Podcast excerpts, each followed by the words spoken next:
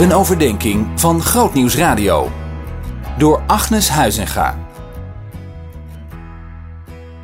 We zijn bezig met een serie over kenmerken van Jezus, die Hij ook in ons wil laten groeien.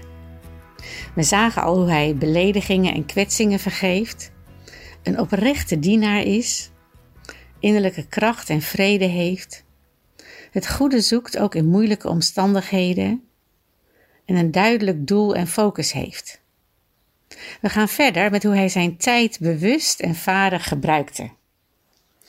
In de drie jaar van zijn publieke bediening leek Jezus nooit gehaast.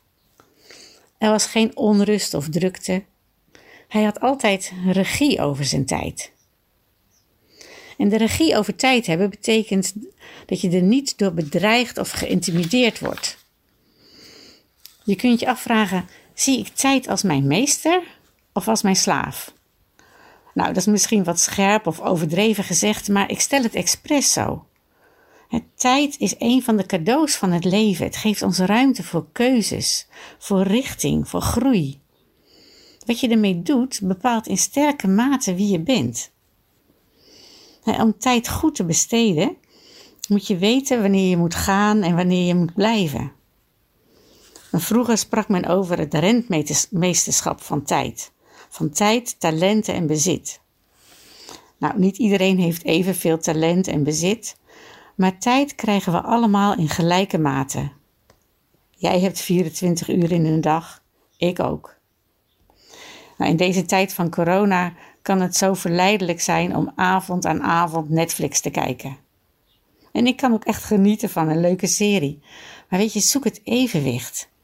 Kijk hoe je ook de Heer kunt zoeken. Alleen of samen. Zet tijd apart om naar muziek te luisteren en Hem te aanbidden in de stilte van je kamer of in je auto. Of als je aan het wandelen bent met je koptelefoon op. En neem tijd om iemand op te zoeken met wie je samen kan bidden of met wie je gewoon kan praten en kan zijn en in Gods aanwezigheid kan zijn. In Efeze 5, vers 15 en 16 staat: Wees opmerkzaam en voorzichtig in hoe je wandelt. Niet als onwijze mensen, maar wijs. Gebruik je dagen goed, want we leven in een slechte tijd.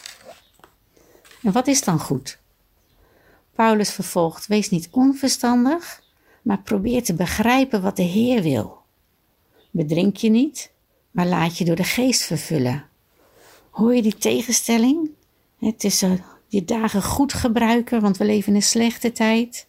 En leef niet onverstandig, maar probeer te begrijpen wat de Heer wil. En wat zegt hij dan? Laat je door de geest vervullen, zing met elkaar, zing en jubel met heel je hart voor de Heer en dank God. En dat willen we doen, Heer, in alle omstandigheden. U danken, loven en prijzen, want u bent altijd goed. Amen. Zien in nog een podcast? Luister naar De Preek van de Week via grootnieuwsradio.nl/podcast.